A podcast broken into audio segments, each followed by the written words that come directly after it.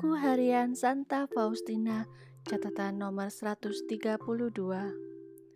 Aku harus menyebutkan juga bahwa ada beberapa bapak pengakuan yang tampaknya menjadi bapak rohani yang sejati, tetapi hanya selama segalanya berjalan dengan baik. Ketika jiwa membutuhkan bantuan yang lebih besar, mereka menjadi bingung dan entah tidak dapat entah tidak mau memahami jiwa itu, mereka berusaha menghindari orang itu secepat mungkin. Tetapi, kalau jiwa itu rendah hati, ia akan selalu memetik manfaat walaupun sedikit. Kadang-kadang, Allah sendiri akan memancarkan seberkas sinar ke dalam lubuk jiwa itu, oleh karena kerendahan hati dan imannya. Kadang-kadang, Bapak pengakuan akan mengatakan sesuatu yang tidak pernah ia maksudkan, bahkan tanpa menyadarinya. Oh, biarlah jiwa itu percaya bahwa kata-kata seperti itu adalah kata-kata Tuhan sendiri. Memang kita harus percaya bahwa setiap kata yang diucapkan di kamar pengakuan adalah kata-kata Allah. Yang aku maksud di sini adalah sesuatu yang datang langsung dari Allah.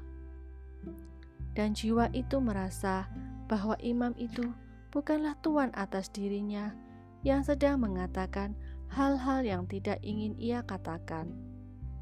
Beginilah cara Allah mengganjar iman. Seringkali aku sendiri mengalami hal-hal seperti ini. Salah seorang imam yang sangat terpelajar dan sangat dihormati yang kepadanya aku kadang-kadang pergi mengaku dosa, selalu bersikap keras dan menentang masalah-masalah yang aku ungkapkan kepadanya. Tetapi pada suatu kesempatan ia menjawab kepadaku, Ingatlah suster, bahwa kalau Allah meminta hal ini dari suster, suster hendaknya tidak melawan dia. Kadang-kadang Allah ingin dipuji justru dengan cara ini. Tenanglah, apa yang sudah dimulai oleh Allah akan Ia selesaikan. Tetapi saya ingin menegaskan hal ini kepada suster. Kesetiaan kepada Allah dan kerendahan hati. Sekali lagi, kerendahan hati. Ingatlah baik-baik apa yang telah kukatakan kepada suster hari ini. Hatiku sangat senang, dan aku berpikir bahwa barangkali imam ini telah memahami aku.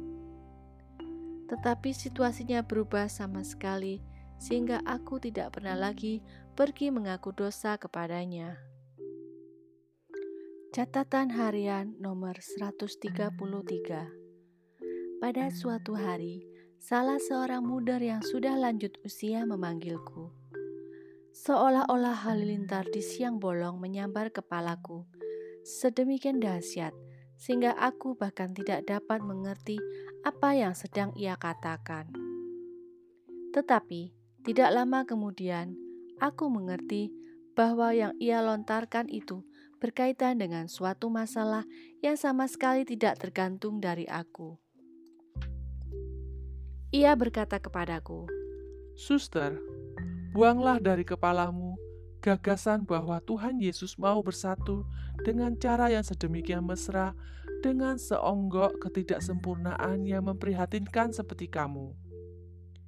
Ingatlah bahwa hanya dengan jiwa-jiwa kuduslah Tuhan Yesus bergaul seperti itu.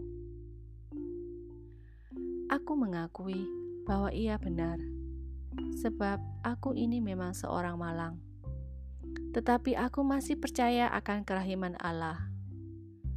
Ketika aku berjumpa dengan Tuhan, aku merendahkan diri dan berkata, "Yesus, tampaknya Engkau tidak bersatu erat dengan orang yang sedemikian malang seperti aku." Tenanglah, putriku. Persis lewat kepapaan seperti itu, aku ingin menunjukkan kuasa kerahimanku. Aku memahami bahwa mudir ini hanya ingin merendahkan aku. Catatan harian nomor 134 Oh Yesusku, sudah begitu banyak kali Engkau mencobai aku dalam masa hidupku yang singkat ini.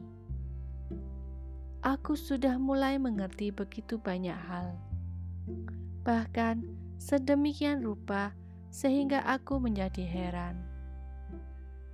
Oh, betapa indahnya menyerahkan diri sama sekali kepada Allah dan memberi Dia kebebasan penuh untuk bertindak di dalam jiwa.